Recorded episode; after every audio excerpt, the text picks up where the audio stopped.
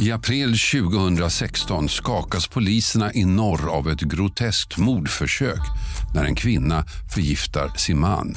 Motivet? Att se honom dö.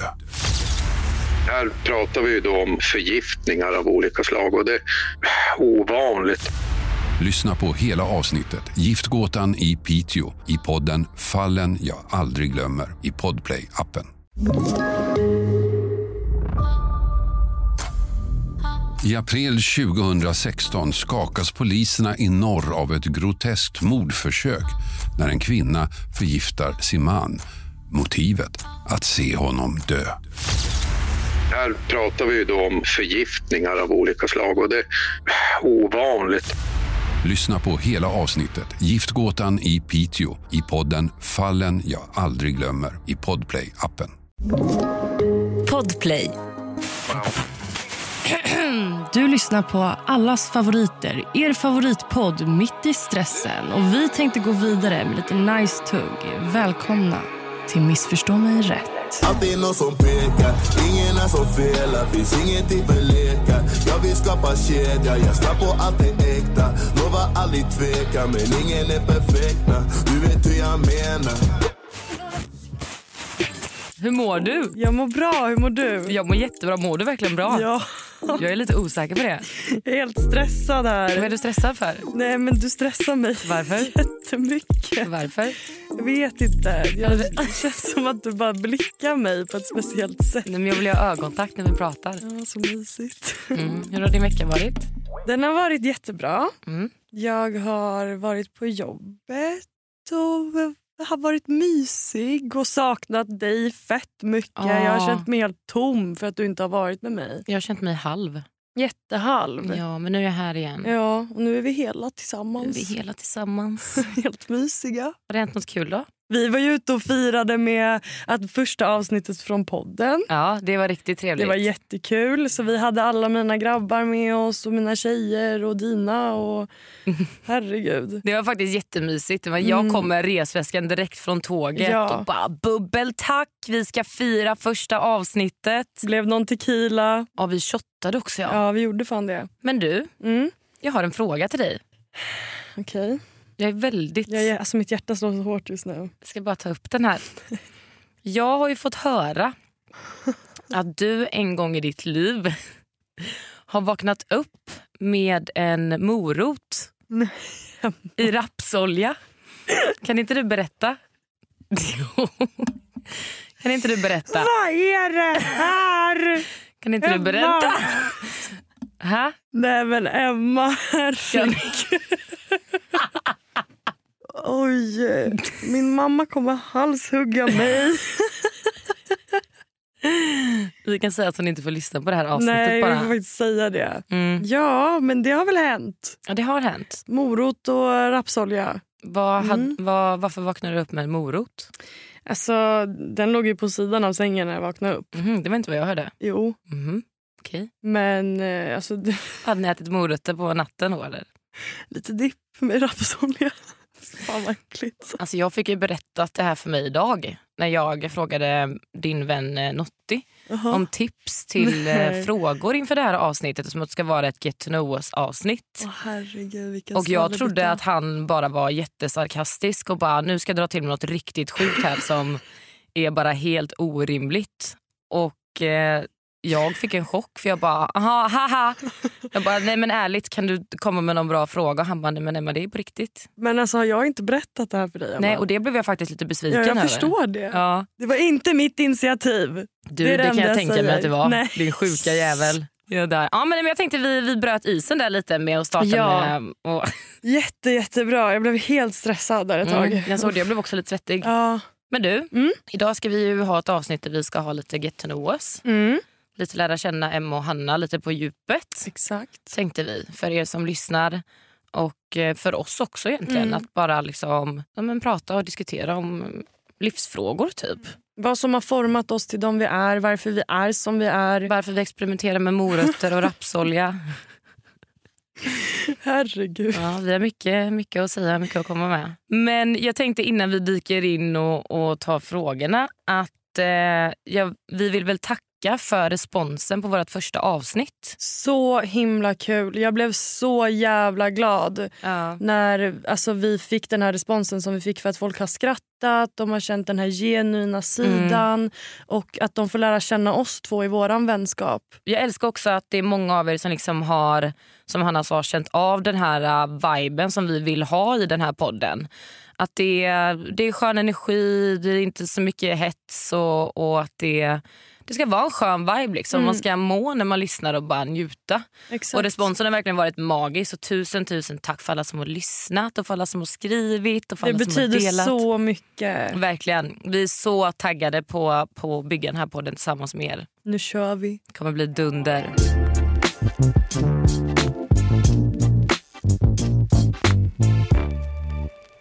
Det här är ju ett avsnitt där vi ska få er att lära känna oss bättre. Lite mer på djupet, vad som har format oss, varför vi är som vi är. Och eh, vi får ju lära känna varandra ännu bättre också. Men jag tänkte börja med första frågan. får hon. Det här har vi pratat väldigt mycket om, men Mm. egentligen inte.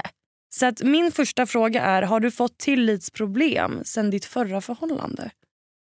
Mm, ja, det skulle jag nog säga. Inte mitt förra förhållande, men mitt första förhållande Ja. som jag hade. Och Det var ju på grund av att han faktiskt var otrogen Mm. och var med andra tjejer. Det var så konstigt för mig för att det var ju mitt absolut första första förhållande. Jag hade inte varit kär innan liksom, innan jag träffade honom eller känt på det sättet för någon. Så för mig så var det så svårt också. Vi träffades ju i Paradise Hotel vilket är en väldigt konstig plats att träffa sin första kärlek på. Eh, och Det blev så himla intensivt och sen så um, kom vi hem och eh, vi bodde ju på olika ställen. liksom. Och jag hade, Han gjorde ju en del grejer inne i Paradise Hotel som fick mig att känna så här att han skulle kunna vara kapabel till att vara otrogen sen när vi väl sätter pränt på att vi är tillsammans. Liksom. Så jag hade väl redan från början egentligen ganska dålig tillit till just honom. Det var så svårt för att när man är för första gången kär så jag kopplade typ inte i förhållandet då att det inte var helt okej. Eller jag vet inte riktigt hur jag ska förklara. Du vet att det var så här, aha, du vet att man, någon skrev att han hade pratat med andra tjejer. Och du vet, när jag var kär för första gången så fattade inte jag riktigt vad som Var rätt och fel typ. Nej, alltså typ inte. Vilket låter helt sjukt idag. För idag ser jag ju helt annorlunda på det. Jag hade aldrig accepterat det. Men jag förlät ju honom först. För att alltså, Han berättade ju för mig att han hade varit otrogen. Och Jag valde ju att förlåta det men sen så tilliten kom ju aldrig till... Alltså jag kände ju aldrig till 100% att jag kunde lita på honom. Det är där många gånger en relation faktiskt fallerar. Gud För ja. att den ena individen, vad, du, vad de än gör eller vart de än ska finns det ingen tillit där. Nej. Tillit är ju verkligen A och O i en relation. Mm. Och därefter så tror jag att jag har blivit väldigt försiktig med att, för så, så hjärtekrossad som jag blev efter det förhållandet är någonting som jag aldrig i hela mitt liv vill uppleva någonsin igen. Så jag tror ändå att det har satt lite spärrar i att, man är, att jag är väldigt försiktig när det kommer till att lita på killar. Och att jag är väldigt snabb på om det är minsta lilla grej som får mig osäker, då klipper jag hellre det direkt. Än att veta att jag kanske fastnar och sen blir eh, sårad. Liksom. Ja, man springer lättare ifrån. Mm, verkligen. Så att, ja, men det har ändå satt lite käppar att man är, man är lite rädd för kärleken tror jag. Och för att bli kär. Liksom. För som jag sa också så var det som att jag eh, accepterade det för att jag var så kär. Mm. Att jag var så här, okej men du vet, blundade lite för de här varningstecknen som man idag egentligen hade aldrig accepterat. Liksom. Man blir ju dum. Mm, Och Speciellt när det är första gången. Då är man ju helt, alltså det är som att man är hypnotiserad och bara går in i en vägg. Och bara Ja. så här, äh, Allt annat spelar ingen roll. nej, så det skulle jag nog ändå säga att jag har fått på grund av att jag har blivit otrogen mot, man så? Mm. Ja. Du har, ja, han har förrått dig. liksom. ja, det har ändå satt lite käppar. Liksom. Mm. Men du då? Jag vet ju att du har haft ett, ett långt förhållande. Mm. Han var ju världens finaste kille. Mm, Alltså Jag finns faktiskt ingenting att klaga på nej. egentligen. Han tog hand om mig, han visste liksom hur man behandlade tjejer. Varför det tog slut var ju egentligen bara för att jag inte hade känslorna kvar. Liksom. Mm. Och Det var väldigt stor åldersskillnad på oss. Så att, eh, det matchade liksom inte i tiden. Men annars har jag haft eh, liksom, en bra relation. Mm. Eller relationer. liksom så. Sen även om du inte har kanske fått några såna tillitsproblem från just honom. Men känner du generellt att du har tillitsproblem till killar? Alltså, jag har nog tillitsproblem till alla, Ja. tror jag. Mm. Alltså Vare sig det är vänner eller liksom kärleksrelationer. Jag tycker att man blir sviken ganska ofta av människor. och Det finns ju på olika nivåer. Liksom. Men eh, de man har blivit sviken av så man hamnar ju liksom i, i ett jätteskört fack där man sätter upp och bygger upp murar som är extremt höga istället för rimliga. Ja. Men jag tror det är också typ lite när man har kommit upp i ålder också att man är väldigt mån om att ha rätt typer av människor runt om sig som lyfter en och höjer en och att man lyfter och höjer varandra. Att man är lite mer försiktig med vilka människor man släpper in i sitt liv idag. Gud ja. Mer än vad man tänkte på förr tror jag när man var yngre. Ja, men då sprang man ju runt och var här och där och herregud. Då ville man ha så hur många som helst. Ja, Så många det bara gick. man var ju på äventyr hela tiden Ja, bara. ja. Men det tycker jag ändå idag att jag är väldigt så här, äh, alltså de människorna jag har runt om mig nu är de som jag verkligen vill ha och de som jag vet också att det är genuint och ödmjukt och att det Man är väljer kärlek. ut det väldigt, väldigt noggrant. Mm. Man, är, man är på sin vakt men du vet så här, vi går ju väldigt mycket på energier du och jag som personer och vad man vibar med och inte. Så där blir det ju verkligen, känner vi den här känslan för någon så är det ju verkligen 100% vi går in för det också. Verkligen, Även om det är få som får vara med om det. exakt.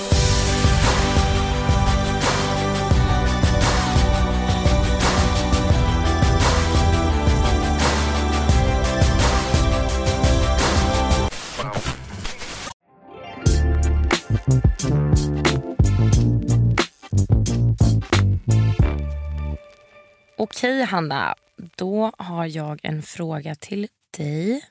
Och det är, vad är det största beslutet du har tagit i ditt liv? Alltså det måste nog ändå vara när jag valde att vara med i Paradise Hotel. Mm. Ehm, för att jag utvecklades väldigt mycket som människa där jag vet att jag klarar av allting själv. Att jag inte behöver någon annan. Man sitter ju på de här flygen i 32 timmar typ och så ska du ta dig från A till B och sen C och jag vet inte vad. Och sen så när man är utanför hotellet så bor man ju själv på ett hotell och man har ingen telefon. Alltså du har ingen, vad heter det, du har ingen plånbok. Alltså du har ingenting. Nej. Du har bara dina hotellnycklar. Mm. Och där växte jag enormt mycket för jag märkte verkligen att även om inte jag har de här standardgrejerna så klarar jag mig. Jag kan gå här och käka, jag kan gå en promenad på stranden. Jag klarar mig själv. Och den var jättenyttig för mig. Man växer ju väldigt mycket i det. Som du sa när man är utanför. Man är ju Mm. verkligen bara med sig själv och sina tankar. Typ, för man har ju ingenting annat där. Idag alltså är man hemma nu och man känner så här, jag är ju sån, jag tycker det är jättejobbigt ibland att sitta hemma och vara tyst och ensam typ. Mm. Tankarna bara börjar snurra.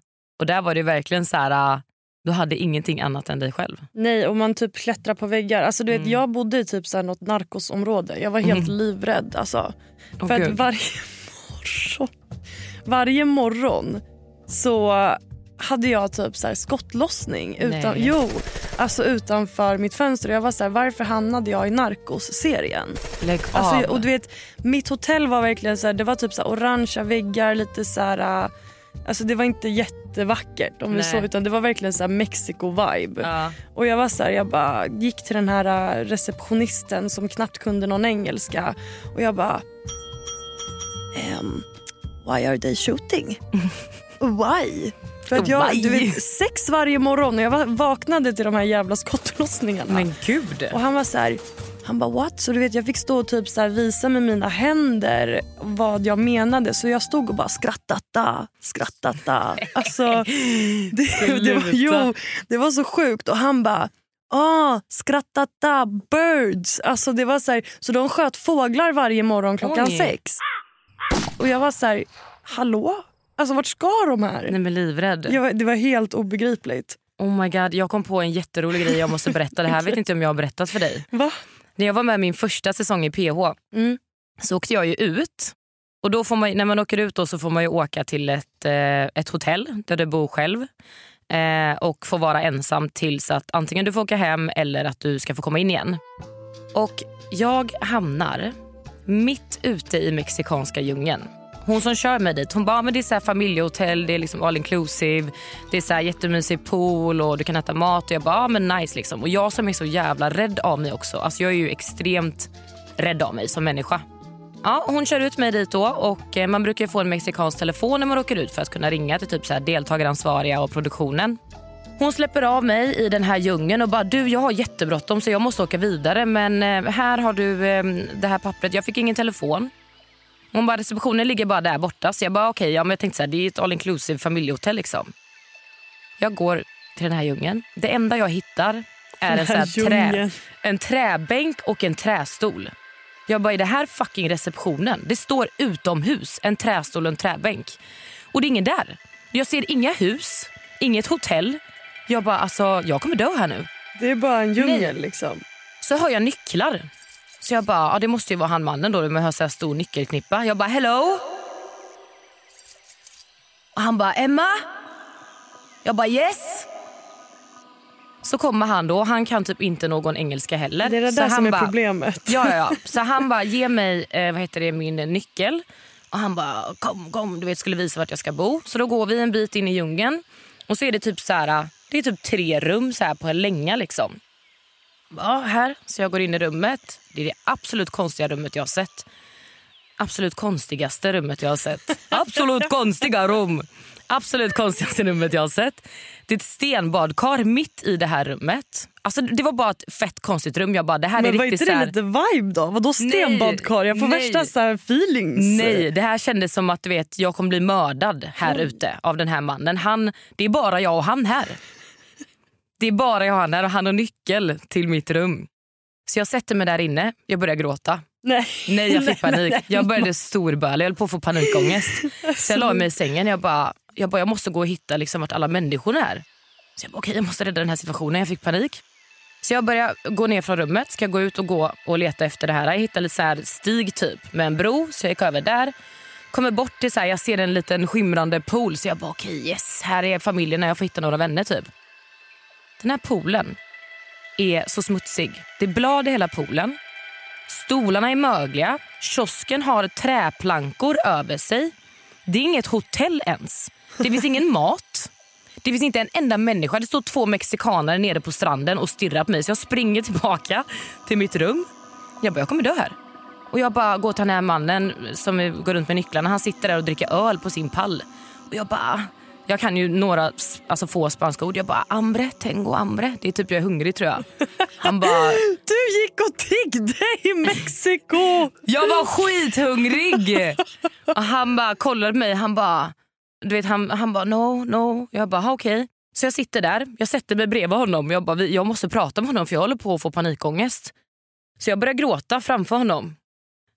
Sitter och gråter. Han bara, cerveza? Så jag bara si. Så vi sitter och dricker öl. Vi säger inte ett ljud till varandra. Inte ett ljud. Vi sitter och dricker typ, jag tror jag dricker typ tre öl. Sen jag bara, jag måste, jag måste ta mig härifrån. Jag var så jävla rädd. Så jag går runt bort till ett hus som ligger lite längre bort. Lite längre ner på gatan. Jag bara hello!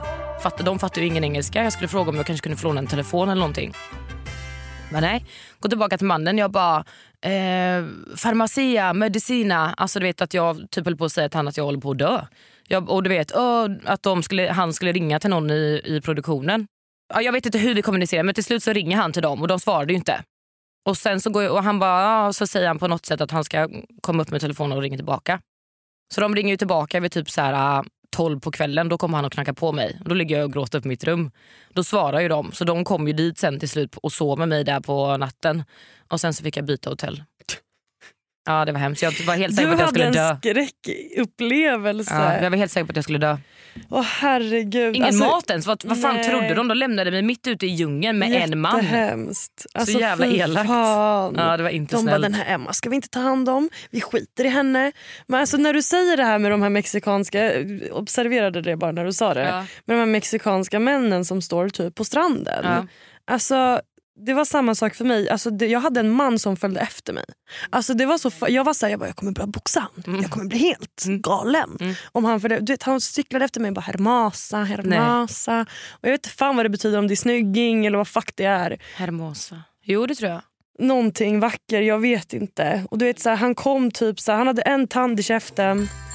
Nej. Jo och du vet så här, han inte duschat på typ så här, sju år. Alltså jag vet inte. Du vet, och han trodde verkligen att han hade en chans med mig. Och han var liksom eh, hur full som helst. Och han bara sätter sig bredvid mig när jag sitter och kollar på solnedgången i mig själv. Jag ville bara vara själv. Mm. Och han bara sätter sig där och bara tar fram sin öl. Så då ska Nej. jag få smaka på hans öl. Och jag bara, vet du vad? Jag kommer ha alla sjukdomar efter jag har smakat på den här Ja, ölen. det kommer du. Jag bara, det är jättelugnt. Du bara nej tack. Jag bara, det är jätte, du vet, så jag börjar gå tillbaka till mitt hotell och han bara springer efter mig. Och jag var så här, det här är fucking orimligt. Jag, bara, jag kommer köra en klackspark i huvudet på honom snart. Mm. Kör in min klacksko i ögat på honom. Älskar du jag tänker klackspark, jag lägger mig Ja. och gråter och bara jag kommer dö. Jag kommer dö här. Jag bara, men Emma vet du vad, man måste slåss in i det sista. Man dör inte bara, man Nej. fightar för sitt liv. Jag, jag hade dött. Jag kommer dö i det här stenbadkaret i Mexikos djungel. Ingen kommer veta vart jag är.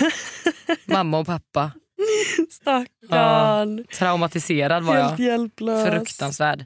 Ja, alltså det här är ju en, ändå de, en av de största besluten vi, Verkligen. alltså vi tog. För att vi lärde oss så jävla mycket. Just den här ensamheten, att man är bekväm med att vara med sig själv. Mm. För det kände jag att jag blev efteråt. Jättemycket.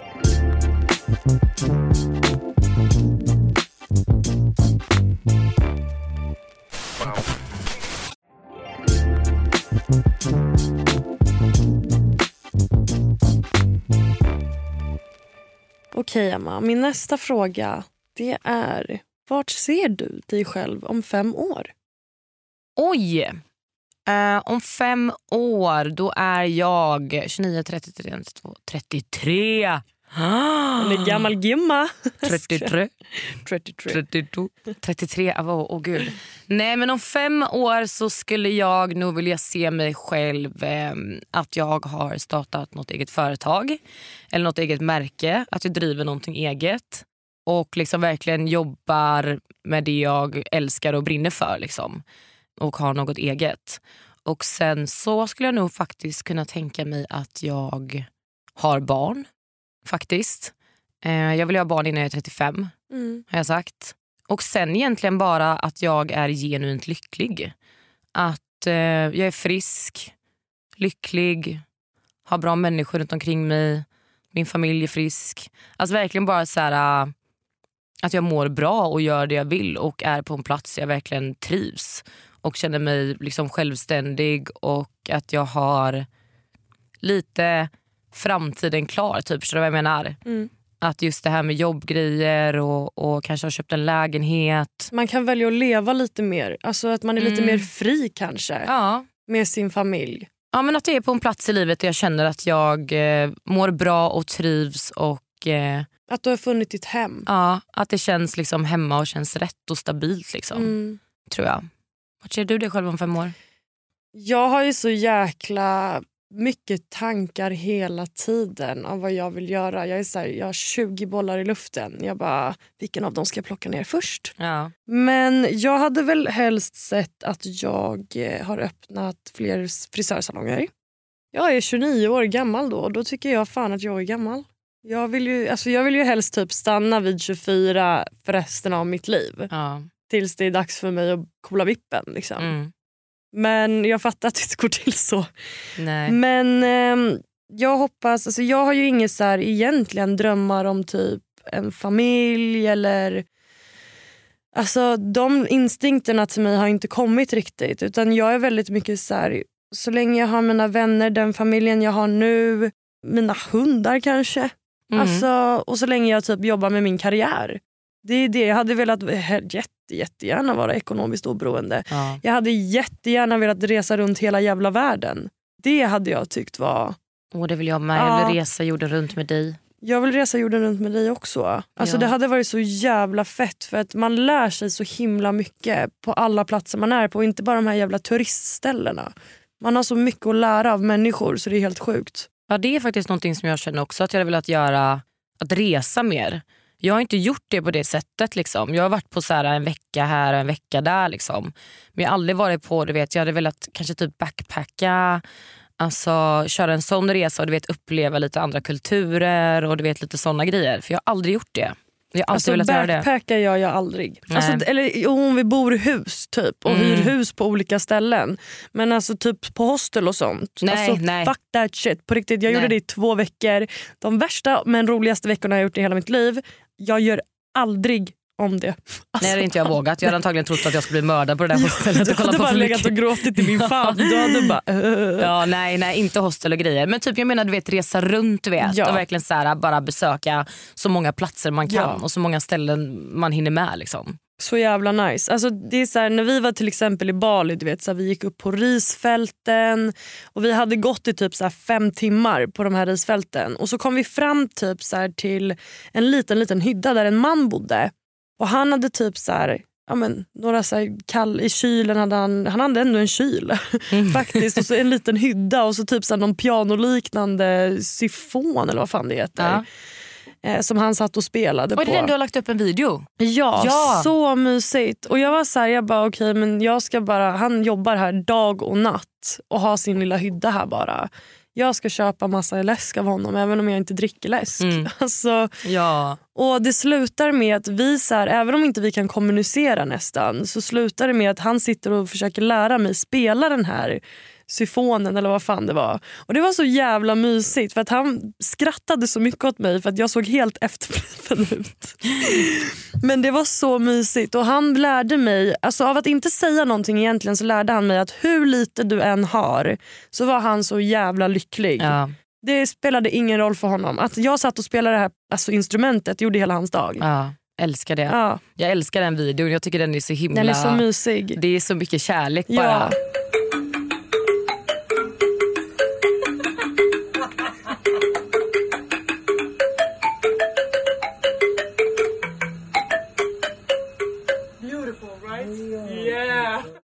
Men det är sånt jag menar. Jag har aldrig liksom rest och upplevt det där på det sättet och sett liksom det du har sett som du säger att, så här, att han har så lite men ändå, alltså jag har inte sett det och jag hade verkligen velat göra en det sån ingen, resa. ja, och det är ingenting man ser här i Sverige. Här i Sverige Nej. går alla runt som en grå dag och bara så här, jag har inte tillräckligt med pengar, Mm. jag har inte tillräckligt med någonting. Men där är så här, där har de typ ingenting och det enda man ser är ett alltså, leende på deras läppar. Exakt. Liksom. Det är så sjukt Ja. hur annorlunda det kan vara. Verkligen. Jag ska hämta dig till Bali Ja, och så ska vi leva livet. Det ska vi. Ja.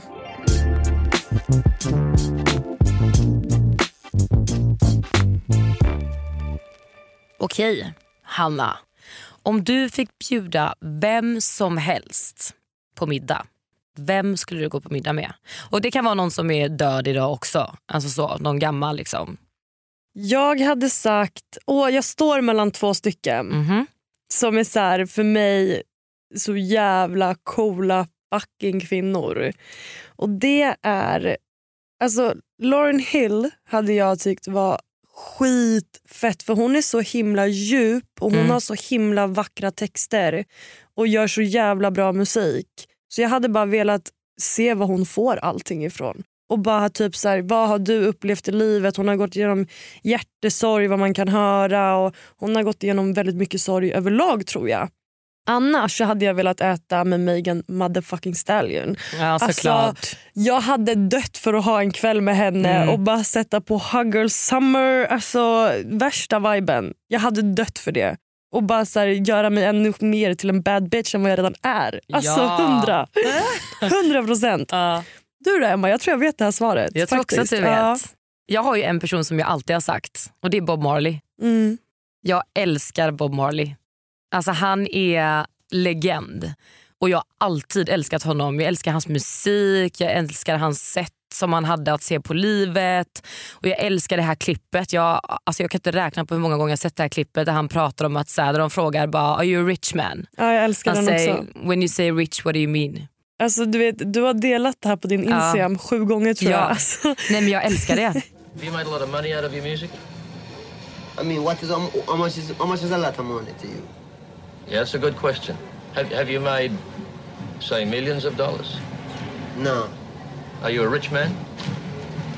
When you mean rich, what do you mean? Do you have a lot of possessions? A lot of money in the bank? Position make you rich? I don't I don't have that type of richness. My richness is life forever. livet har gjort mig rik. Liksom. Ja, jag älskar det. Jag hade bara velat sitta och lyssna på honom och när han pratar om hur livet är och allt bara. Alltså bara ja, alltid dött för Bob Marley. Men jag tror att jag hade velat träffa de här äh, på grund av att just Lauryn Hill typ för att jag, jag vet inte vad det är men jag drar mig väldigt mycket till människor som har haft eller är ledsna. Mm. Alltså som har haft typ ett jobbigt liv och jag vet inte varför om det är för att jag typ ska gå in och laga dem eller vad det handlar om. Men jag hade tyckt att typ, alltså, det är så mycket erfarenhet i det men jag vill också kunna förstå. Exakt. Ja, och sen så bara gå in och bara så här, nu ska jag hela ditt hjärta så att du alltid är Mm. lycklig typ. Mm. Okej Emma, jag undrar vad är dina viktigaste egenskaper på din framtida baby daddy? Mm, det är jättemånga. Hur många får jag välja? Ja, vad ska vi köra? Tre, de tre viktigaste liksom? Okej, tre viktigaste.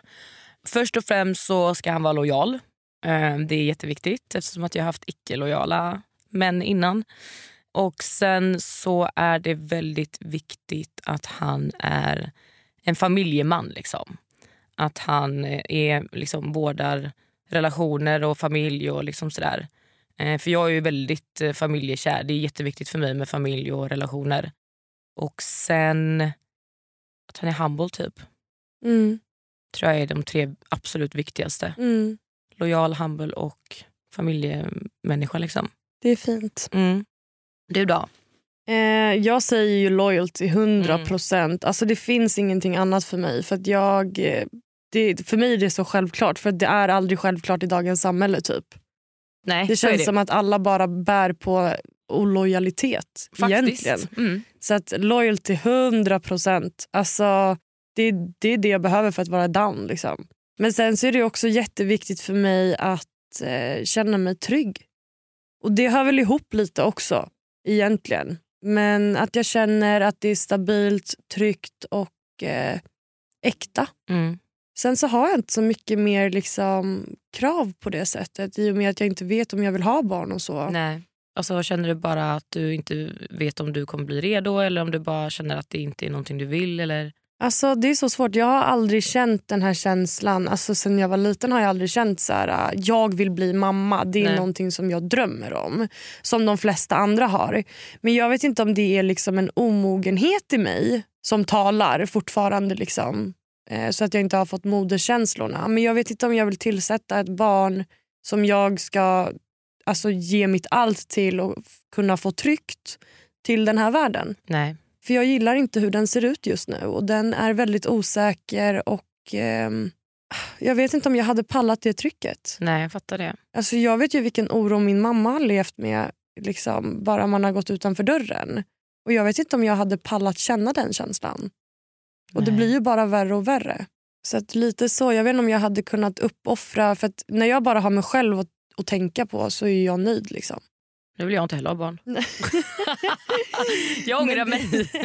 Nej men det är Nej, men jag fattar ändå jättevackert. vad du... Alltså jag hör dig, jag fattar ändå den. 100%. Mm. Men eh, man vet aldrig. Alltså, när jag kanske blir 28 så kanske jag känner så här och typ har kanske träffat mannen i mitt liv. Mm. I don't know. Alltså, hade jag varit 40 år gammal och singel så hade jag mått fett bra ändå. Ja. Jag behöver ju inte, alltså, jag har aldrig känt den här känslan av att jag vill ha en man. Alltså heller. Nej. Jag klarar mig själv. Men, ja, men du är inte helt stängd för det. Liksom. det Nej, är bara det det att du inte. känner att så här, jag vill ha barn och det Mm. kanske kommer. Mm. Jag tror att den, hela den här bilden av samhället är uppbyggt på att du verkligen ska ha en kärnfamilj. Där det är typ så här, antingen blodsrelaterat eller att du ska ha liksom barn, du ska ha en man. Och det, jag gillar inte den, liksom, för att din familj behöver aldrig vara liksom, det samhället har byggt upp det till. Nej. Man väljer själv vilket som är sin familj. Och Jag tror att det är så himla viktigt att förstå innebörden av förutsägbara... Så här, det här, så här ska livet se ut för att du ska ha lyckats. Gillar inte.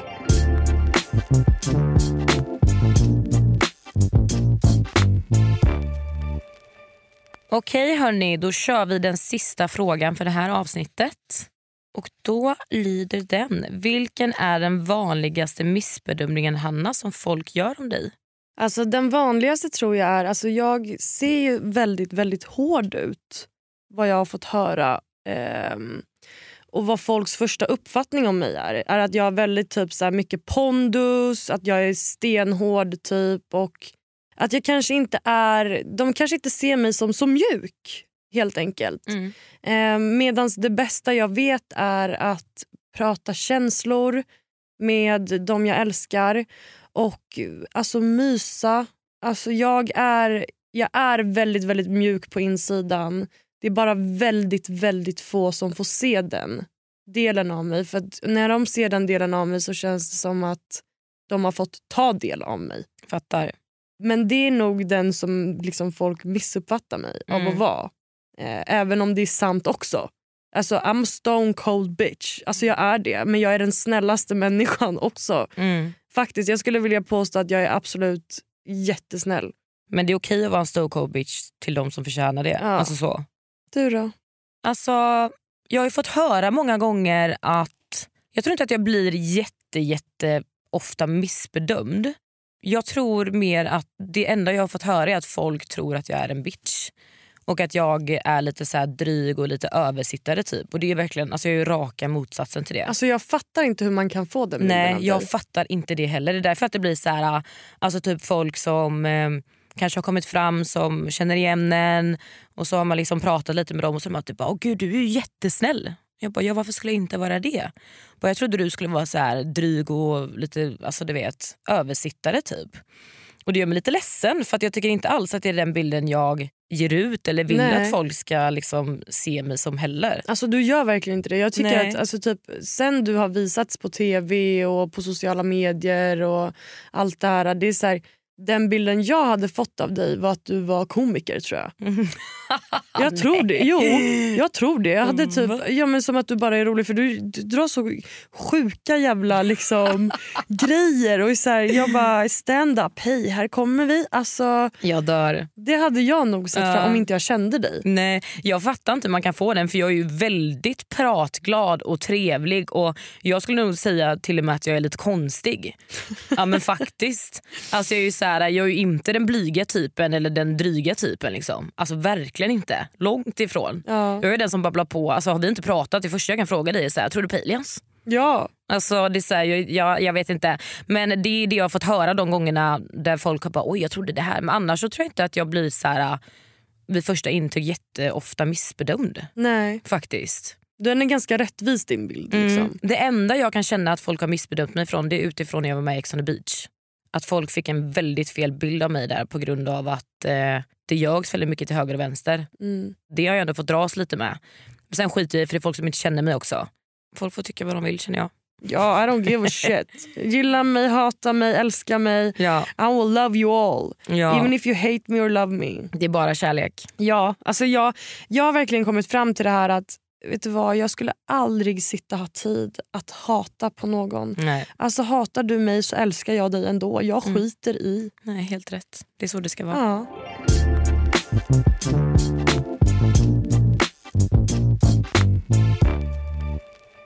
Det var alla frågor mina vänner och hoppas ni missförstår oss rätt Ja. i det här och kan känna det här djupet eh, som vi fick dela med oss lite av. Och att ni kan relatera. Det hade varit kul. Mm. Hoppas att ni fick lära känna oss lite bättre efter det här avsnittet. Så hörs vi nästa torsdag. Glöm inte att gå in och prenumerera på podden. Lämna jättegärna en kommentar. Vi har även en podd-instagram som heter Missförstå mig rätt-podden. Jag har en instagram, jag heter Emma Linnea Hellström. Och jag heter Hanna Klosterman. Hubbele, hubbele. Just det! Hallå! Okej, på tre. Ett, två, tre. Hubbele, hubbele! Mycket saker som bara fucked up i mitt liv Oavsett vad som än händer Hon är alltid där bredvid Mannen hon är min rider yeah. Jag ger dig all my love Baby vi är oslagbara Podplay.